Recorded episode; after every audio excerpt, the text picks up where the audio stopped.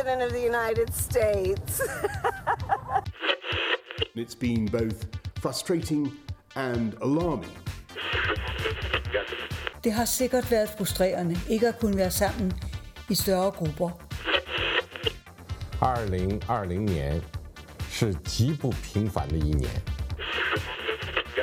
Breaking news tonight the deadly siege on Congress as an angry pro Trump mob storms the U.S. Capitol.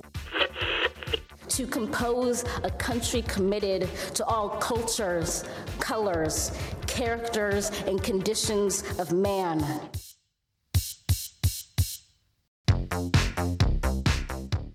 Góðan dag kæru hlustendur þeirra hlust á heimskviður. Ég heiti Guðmundur Björn Þorbjörnsson. Og ég heiti Birta Björstóttir. Í heimskviðum er fjallað um það sem gerist ekki á Íslandi.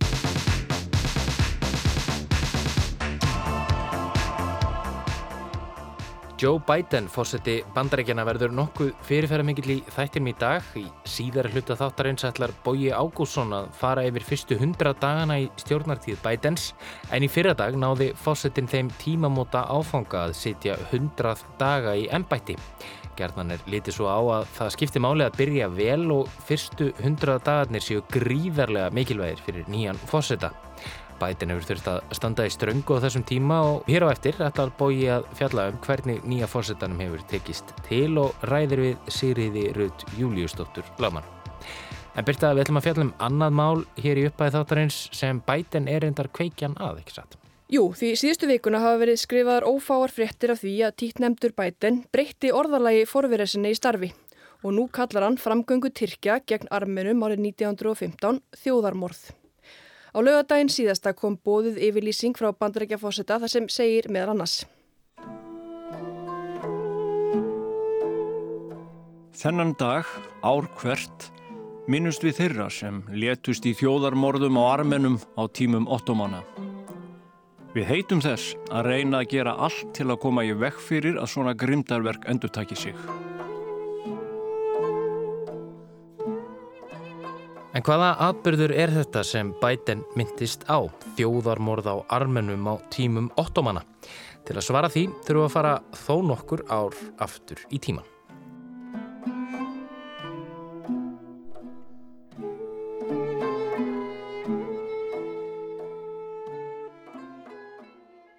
Árið 1913 komust til valda í Tyrklandi uppreisnarhópur útlaga sem kölluði sig Ungtyrki. Eitt af markmiðum þeirra var að endurreysaðið forna ottomannaveldi á svæðinu og þar var ekki alveg öllum búið að vera með. Stríðið sem síðar var kallað fyrri heimstyrjöldin braust svo út árið 1914. Það var víða barist og stríðið sem stóði rúm fjögur ár breytti heimsmyndinu umtalsvert. Ungtyrkinir gengu í bandalag með þjóðverjum og fleiri gegn bandamönnum. Innrás Tyrkjana inn í Rúsland var hluti af þessari áætlun en svo innrás mistókst hrapalega. Og þá var armenunum kent um. Já, á þessum tíma byggum um 2 miljónir armena í Tyrklandi. Þeir voru kristnir, fengur svo sem alveg að vera með en greittur endar aðeins herri skatta en aðrir þegnar ríkisins. Ung Tyrkirnir sökuðu armenana um að hafa veitt rúsum liðveislu eða á ekkert hátt stuðlaða því að innrásin fór ekki sem skildi. Og þá fóru þeir það að reyna að losa sig við þá. Armenum var til dæmis mjög mörgum smala saman og þau voru flutt nauðug yfir í Eidumörk á svæði það sem nú er Sýrland. Það nægi kannski bara að nefna það af þessum tveimur miljónum armena sem byggu í Tyrklandi fyrir stríð, byggu um 400.000 þeirra þar enn í stríðslokk. Það ferið minsta tvennum sögum að því hversu margir armenar létust í þessum aðgerðum. Armenar segja eina og halva miljón hafi verið drefna, Tyrkir segja 300.000 hafi fallið í valin.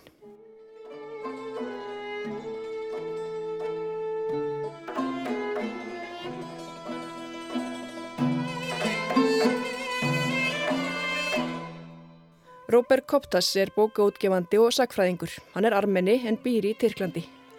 Hann segir að með því að neyta því að nota orðið þjóðarmorð en þann dag í dag séu tyrknesk stjórnvöld að afneita nánast öllu sem þarna gerðist. Með því að halda þessu til streitu séu Tyrkir raun að segja að það sé ekkert í fortíðinu til að skamma sín fyrir. Engir glæpir hafi verið framtir. Türkiye burada bir soykırım yaşandığını inkar ediyor. Soykırım yaşandığını inkar etmek bir yana, bir yana soykırım kelimesini inkar ederek neredeyse yaşananların hepsini de aslında Armenski sagfræðingurinn Róber Koptas segir að útséð virðist um að stjórnvöldi Tyrklandi skiptu um skoðun. Það hljóti því að veri góðu lægi fyrir aðrar þjóðir að segja sína skoðun á málunu.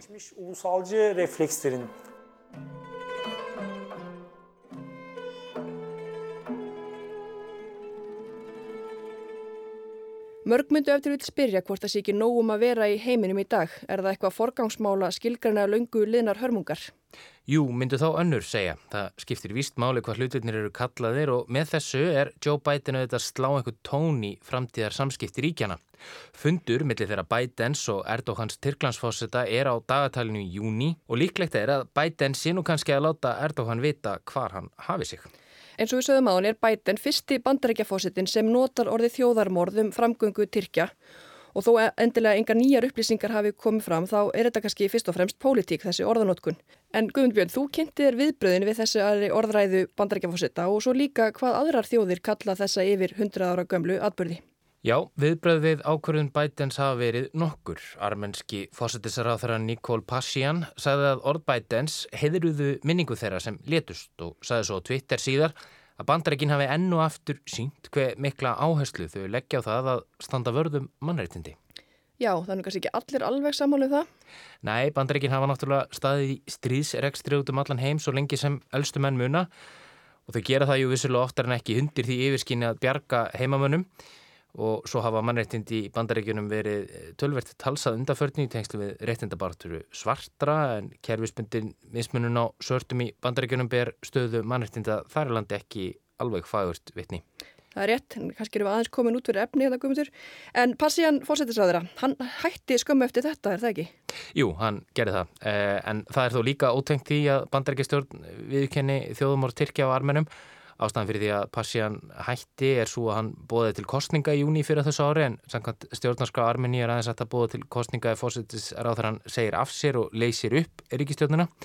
Hann freistar þó þess að ná endurkjöri í sumar. En þetta er nú líka út út úr en þótt fósittisráðara Armeníu eða fráfarandi fósittisráðara fagni þessari yfirlýsingu bætens þá eru viðbröðin frá Tyrklandi reynd ekki eins jákvæð.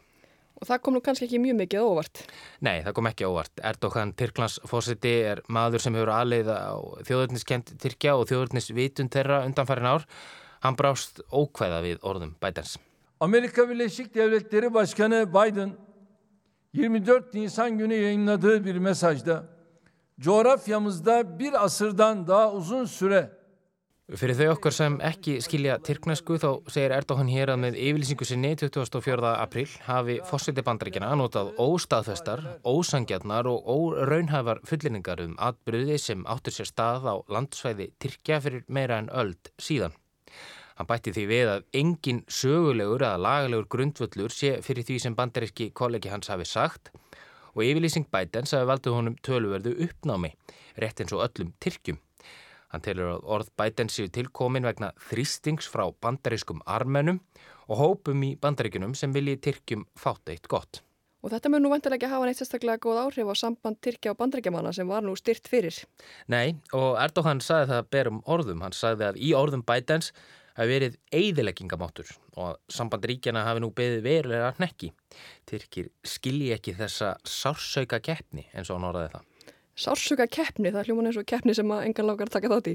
Emitt, e, það sem Erdogan á við með þessu er að ákveðin ríki keppist nú við að sína og sanna að sagan hafi leikið þau verður en önnu ríki. Hvað svo sem það kann að að. Erdogan fetar hér í spór fyrirrennar sína en engin tyrknesk ríkistjóðn hefur nokkuð tíman gengist við því að þjóðarmorð hafi verið framið á armenum fyrir meira en öld síðan. Allir stærstu stjórnmálaflokkar Tyrkja afnetta því að það hefði átt sér stað að fráskildum líðræðisflokki fólksins HDP en sáflokkur er á vinstrevæng stjórnmáluna og er þekktur fyrir stunningsin við minnihlutahópa, konur og LGBTQ hópa. Tyrkneskir stjórnmálmenn færa þau rauk fyrir máli sínu að armennar hafi vissulega verið fluttir landflutningum en það hafi verið þjóðarauðgismál. Þá hafa Tyrknesk stjórnvöld varið umtalsverðum fjármönnum í hagsmunagæstlu eða lobbyisma í þessu máli og stjórnvöld varið yfir miljónum dollara í þá baróttu. Það er jú vissulega svo að armenska díaspóran eða brottfluttir eða eftir maður að segja brottflúnir armenar hafa allatíð haft mjög hátt um þjóðarmorðin og barist fyrir því að ríkistjóðnir út um allan heim viðurkenni þjóðarmorðið. Hafa óta við að styggja Tyrki og eiðilegja gott samband sín og milli hafa leiðtóar margra ríkja veira sér við það sem Biden hefur nú gert fyrir hönd bandaríkjana. 30 Evrópuríki hafa gengist við því að Tyrkir hefði framið þjóðarmorð á armenum sem og Frans Pávi og Evrópuþingið. Meðal þeirra ríkja sem telja að Tyrkir hafi framið þjóðumorð á armerum eru nágrann ríki okkar, Danir og Svíjar og meira segja þjóðverjar, þótt yfir 1,5 miljón manna tyrknesku bergi brotið búi í Þískalandi. Íslandin hins vegar ekki á þessum lista. Síðastlið haustlaði Margreit Tryggvadóttir var að þingmaður samfélkingarinnar fram þingsárleitunar til auðu þess hefnis að Íslensk stjórnvöld viðurkenni þjóðumorð Tyrkja á armenum og verði minningu fornalamba þessa glæps gegn mannkynni eins og það er orðað. En þetta var ekki fyrsta sinn sem slík tillaga var lögð fram á þinginu? Nei, eh, Birgitta Jónsdóttir laði fram svipaða þingsáletuna til lögu fyrir fimm árum þegar hún satt á þingi fyrir Pírata en hafði líkt og Margreit ekki erindi sem erfiði.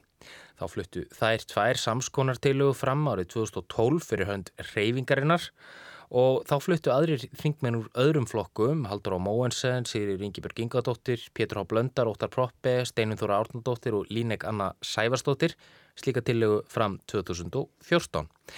Þáverandi sendiherra Tyrkja á Íslandi, Esad Safak Gokturk, beitti íslenska þingmenn þá þrýstingjum að samþykja álíktununa ekki. Sendiherran fundaði með þingmennum og gerði sitt besta til að berjast gegn því að álíktunin færi í gegnum þingið eða hún væri flutt yfir höfuð að þér framkom í frétt viðskiptablasins frá árunnu 2016. Og svo höfur reyndar heimildi fyrir því að Andris Ingi Jónsson, þingmaður Pírata, sé að fara að flytja þingsáleituna tillögu um viðkjöningu og þjóðamorði á armennum. Já, fljótlega. Já, og það verður aðtöklusast að sjá hvort að honum verður kápan úr fríklæðinu.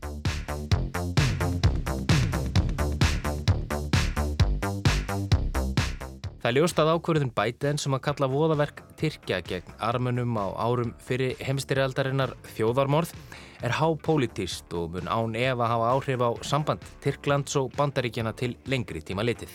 En þá að öðru, þó við höldum okkur reyndar við Joe Biden. 100 dagar voru á 50 dag frá því að Joe Biden tók við ennbætti í bandaríkjafósita. Stjórnmálaskýrendur segja gjarnar að þessir fyrstu mánuðir séu mikilvægast í tími hverjar ennbættistíðar. En hvernig hefur tekist til? Bói Ágúrsson reynir nú að svara þeirri spurningu.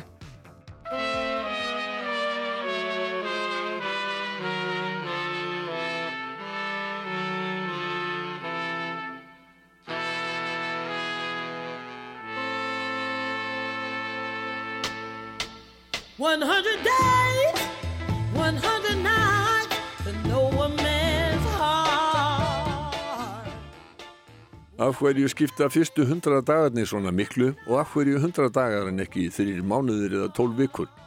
Sumir reykjaða aftur til öndverðrar 19. aldar að tala um hundra daga. Það hafi einmitt verið dagafjöldin sem leið frá því að Napoleon frakkakeisari yfirgaf útlegu sína á Elbu og tók aftur við völdum þángar til að hann beigð endanlegan ósigur í orustunum við Waterloo í Belgíu. Í bandarískum stjórnmálum verða þessir hundra dagar fyrst umtalaðir í upphafi fórsetatíðar Franklins Roosevelts árið 1933 þegar fjöldi lagað var samþyktur til þess að takast á við kreppuna miklu. Fjármálasérfræðingurinn Steve Ratner líkir fyrstu hundradögum Bidens við fórsetatíð Roosevelts og segir að Biden hafi gefið út fleiri fórsetatíðskipanir en nokkur annar síðan að Roosevelt var fórseti.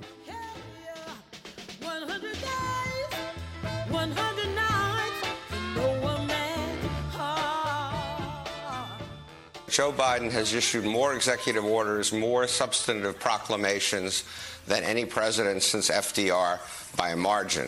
Sigriður Rudd Júliusdóttir, hæstaréttar lögmaður stundaði framhaldsnám í bandaríkjanum og fylgist gjörla með stjórnmálum vestra.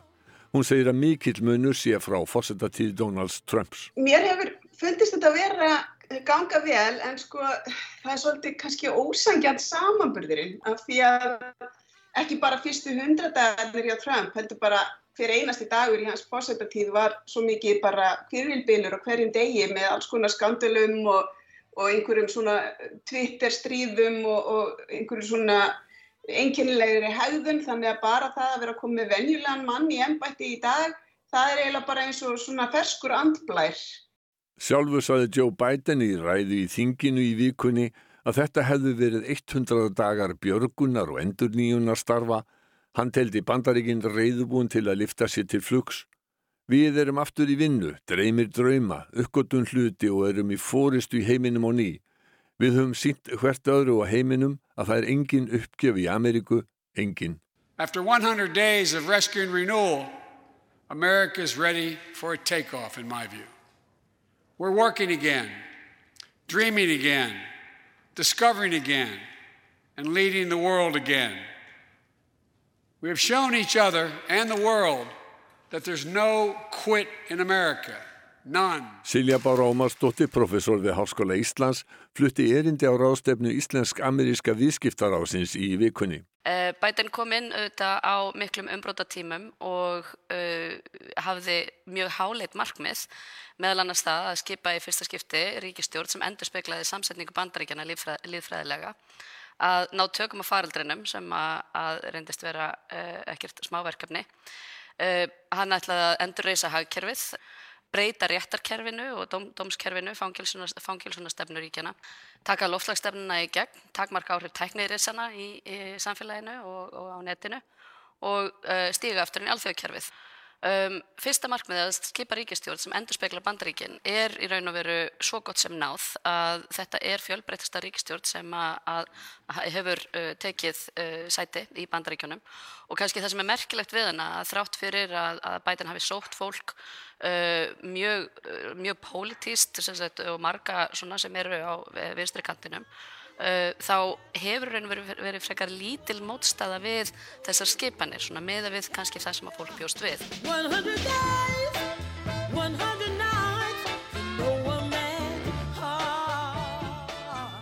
Upphafsmánuðinni skipta miklu máli. Vald fórsetan sem mest fyrst ef flokkur hans hefur meiri hluta í báðum deildum þingsins eins og nú er þó að naumur sé. Þingi fyrir langt frí í ágúst og þegar það kemur saman aftur eru þingmenn í fulltrúadeildinni og hluti öldungadeildarinnar farnir að hugsa um kostningarnar hösti 2022 og það gerist ofta að flokkur fósettans tapar í þeim kostningum, kostningunum á milli fósettarkostninga. Það rýður því á að koma stefnumálum í gegn sem allra fyrst. Árið 2010 þá galt Obama náttúrulega afhróð, bara sögulegt afhróð í þingkostningunum, þessum, þessum miðannar kostningum hans. Hann sko tapaði 63 sætum í fulltrúadeildinni og, og held áfram að tapa árið 2013, nei 2014, þá tapaði hann 13 sætum í viðbót. Um, til samanburðar þá tapaði Trump 26 í fulltrúadeildinni í, í, í sínum miðannarkostningum árið 2019 en hann held meiri hlutunum í öldungadeildinni. Uh, annars sögulegt samiki er til dæmis Clinton tapaði 54 sætum, 94 í fulltrúadeildinni en, en á, þannig að á, á seinustu árum að þá hefur nánast öllum fórsendum tekist að tapa þingsætum á sínum fyrstu miðannarkostningum nema einn og það er George Bush.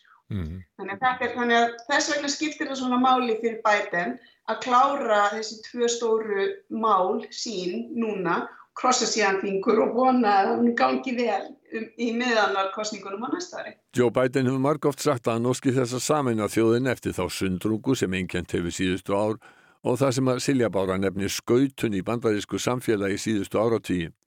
Biden hefur sagt vilja vinna með republikunum Þeir segjast ekki merkja þennan sáttavilja nýjað fósittin vilji í raun vinna með þeim. Tim Scott, öldungadeilda þingmaður republikana frá Suður Karolínu svaraði ræðu bætens í þinginu og sagði að vissulega virtist fósittin vera góður maður og ræða hans hefði verið full af góðum fyrirhittum.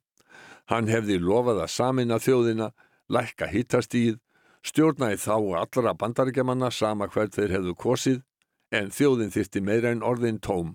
Þörf væri framsækinar stjórnunar sem saminaði fólk en þremur mánuðum eftir valdatökuna hefði fósitinn og flokkur hans sundrað þjóðinni enn frekar. He promised to unite a nation, to lower the temperature, to govern for all Americans no matter how we voted. But our nation is starving for more than empty platitudes. We need policies and progress that brings us closer together. But three months in, the actions of the president and his party further further. Margir stjórnmálaskýrindu telja hins vegar að republikanaflokkurinn sé eins og lús á milli tvekja nagla og hófsamir þingmennflokksins þorir reynlega ekki að láta það vittnast eða sjást að þeir vinni með fórsetanum af ótta við að Donald Trump fyrverandi fórseti snúist gegn þeim og styði anstæðinga þeirra í flokknum. Trump hefur enn afar mikil áhrif meðal kjósenda og ekki má gleyma því að 74 miljónir þeirra kusu Trump og í þeim hópi er mikill fjöldi sem enn telur að brauð hafi verið í tabli í kostningunum í november og Trump hafi verið rændur sigri.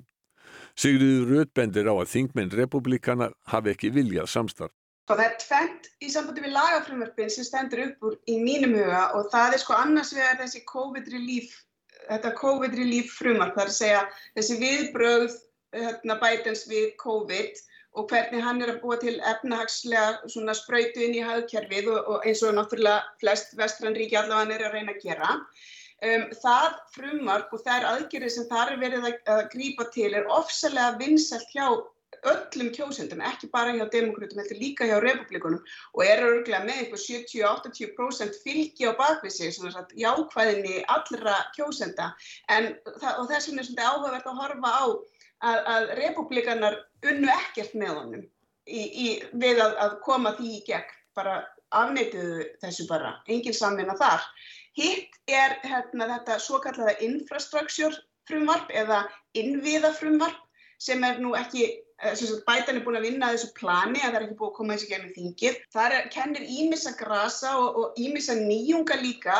Uh, hann er að nota svona, hann er að horfa til umhverfismála og mér finnst það svolítið sniðugt hvernig hann er að, að, tengja saman um, sköpun á störfum við umhverfismálinn og uh, hvernig hann er síðan að útvíka hugtaki innviðir.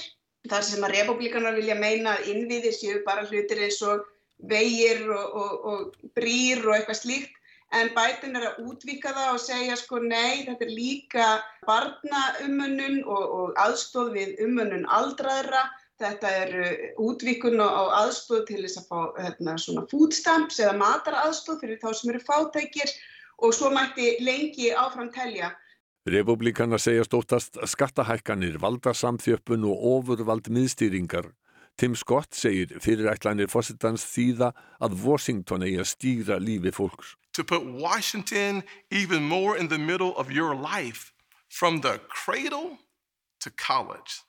John Kennedy, öldungadeilda þingmaður republikana í Louisiana, sem er horki skildur hinn í frægu Kennedy fjölskyldu frá Massachusetts blóðböndum nýja politíst, sagði að Biden hefði í ræðu sinni í þinginu geta spara sér mikinn tíma með því að segja einfallega það sem hafi verið kjarnin í máli hans.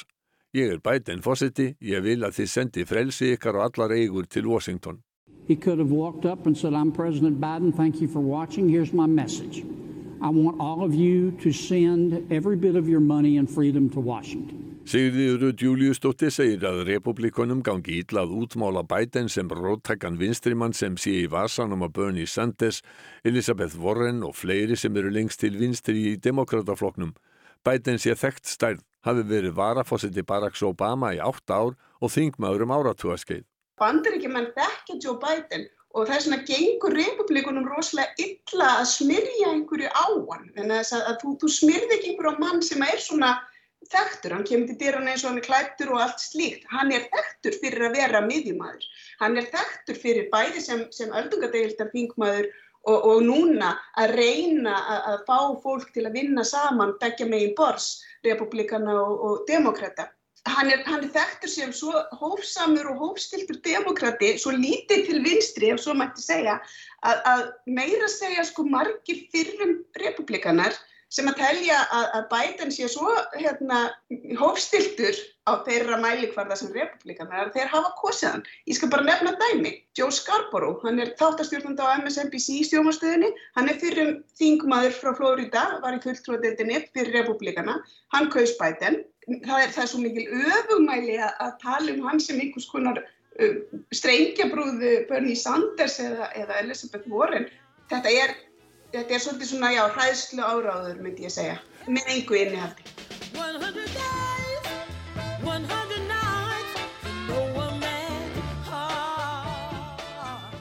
Koronaviru faraldurinn hefur leikið bandaríkja með grátt. 575.000 manns hafa látist og meirinn 30 miljónir smittast. Farsóttin leiti til mikils efnahagssamdráttar og er talið að um 20 miljónir manna hafi mist vinnuna. En nú hillir undir betri tíma, sagði Silja Bára Ómarsdóttir á fundi Íslensk-Ameríska Vestlunaráðsins. Markmiðið var 100 miljón bólusetningar á fyrstu 100 dögunum og það hefur farið bara tölvægt langt fram úr því. Bandaríkin eru núna um 42-45% bólusett og að líkindum munum við ekki sjá faraldurinn á landsvísu aftur. Það er alveg líklegt að það komi upp staðbundnar uh, hérna, síkingar en það er líka vegna þess að það eru stórir hópar sem ekki vilja fá bólusetninguna og núna er, sagt, er, er verið að ráðast í aðgerðir til þess að reyna að ná til þeirra sem að, að hafa ekki trú á bólusetningum uh, vegna annarkvort trúar eða, eða pólitískra sjónameða, vantrúar á vísindi og, og svona samsæris uh, um, um það að, að bólusetningar, uh, já það sé einhver, einhver, einhver undirförulmarkmið þar á bakvið. En uh, þetta er í raun og veru alveg ótrúlegur munur uh, á þessum skamma tíma og þannig að það má segja að þetta sé ágóðri leið. Bandarist efnahagslíf er einnig að rétta úr kútnum og spáðir miklum hagvexti eftir samdráttinni fyrra. Friðjón Friðjónsson Frankvæntarstjóri sagði í fyrirlestri á fundi Íslensk-Ameríska Vestlunaráðsins að útlítið væri bjart. Það sem hefur verið að gerast í bandaríkjónum eh, undarfarna mánuði er að frá kostningum erum að sjá að það er, það er augljóst að markaðurinn hefur trú á Biden-Harris stjórninni. Það er farið að tala um the Biden boom. Væntingavísitala neytenda er líka hérna hátt og þetta er einn besta byrjun hjá, hjá fósita í efnaðasmálum í einu 80 ár.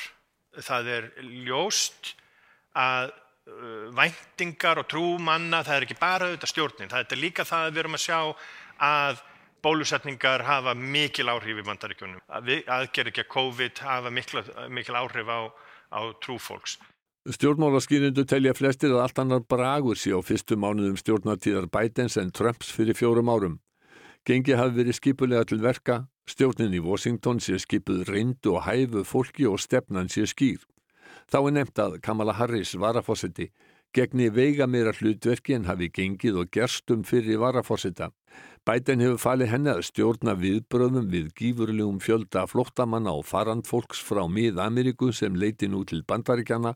Það er óleist vandamál sem kann að valda Biden og Harris miklum erfileikum. Við höfum heldur ekki fjallað mikið um verkefnin nýrar bandaríkja stjórnar á sviði utanríkismála, það býður betri tíma. Kúvending hefur orðið í Washington. Donald Trump hættist ofta Joe Biden og kallaði hann Sleepy Joe, sljóa Jóa. En þó að Biden sé mun minna ábyrjandi en fyrir einari hans, þá hefur enginn deyfð verði í stjórnatíðans. Kanski að það sé rétt sem fréttamaður BBC sæði í vikunni, Sleepy Joe has turned into action man.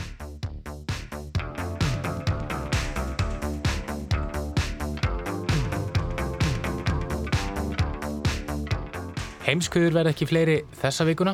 Þennan þátt og alla hina heimskuðu þættina má finna á spilarunum á rú.is og öllum hlaðvarpsveitum sem þið veljið að nota. En við þökkum þeim sem hlítum. Og heyrumst aftur í næstu viku.